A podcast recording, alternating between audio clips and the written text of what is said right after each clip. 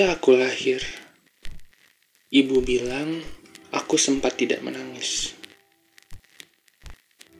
Untuk beberapa detik pertama setelah lahir ke dunia, aku hanya diam begitu saja sebelum akhirnya dokter yang membantu persalinan ibu berhasil membuat tangisku pecah juga.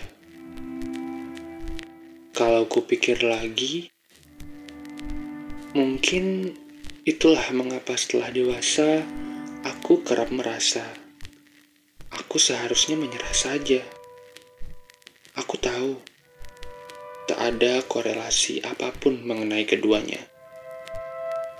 Namun, kupikir jika bocah itu sudah ingin menyerah, Bahkan pada beberapa detik pertama ia dilahirkan ke dunia. Mengapa aku harus melanjutkan semuanya? Semakin dewasa, banyak orang berkata, "Tahu apa kamu tentang hidup?"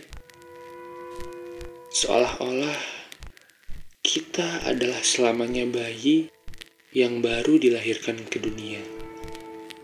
Maksudku, hanya karena usiaku tak lebih dari setengah abad, lebih dari lima lustrum, atau bahkan tak lebih dari sewindu, tak lantas membuatku jadi tak mengerti apa-apa.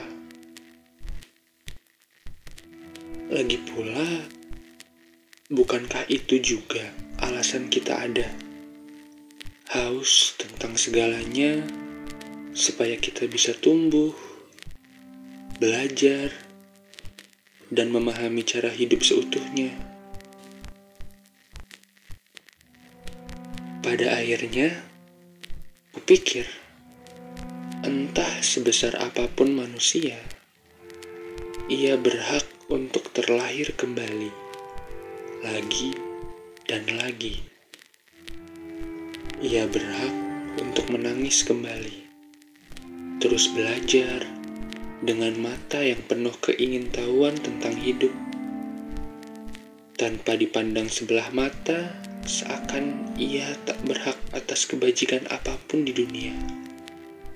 Lahir ialah fase hidup pertama yang akan dirasakan oleh setiap kita, dan kupikir kita berhak untuk terus merasakannya, supaya kita ingat tentang alasan mengapa kita ada, supaya kita tetap bertahan untuk bisa menjalani semuanya.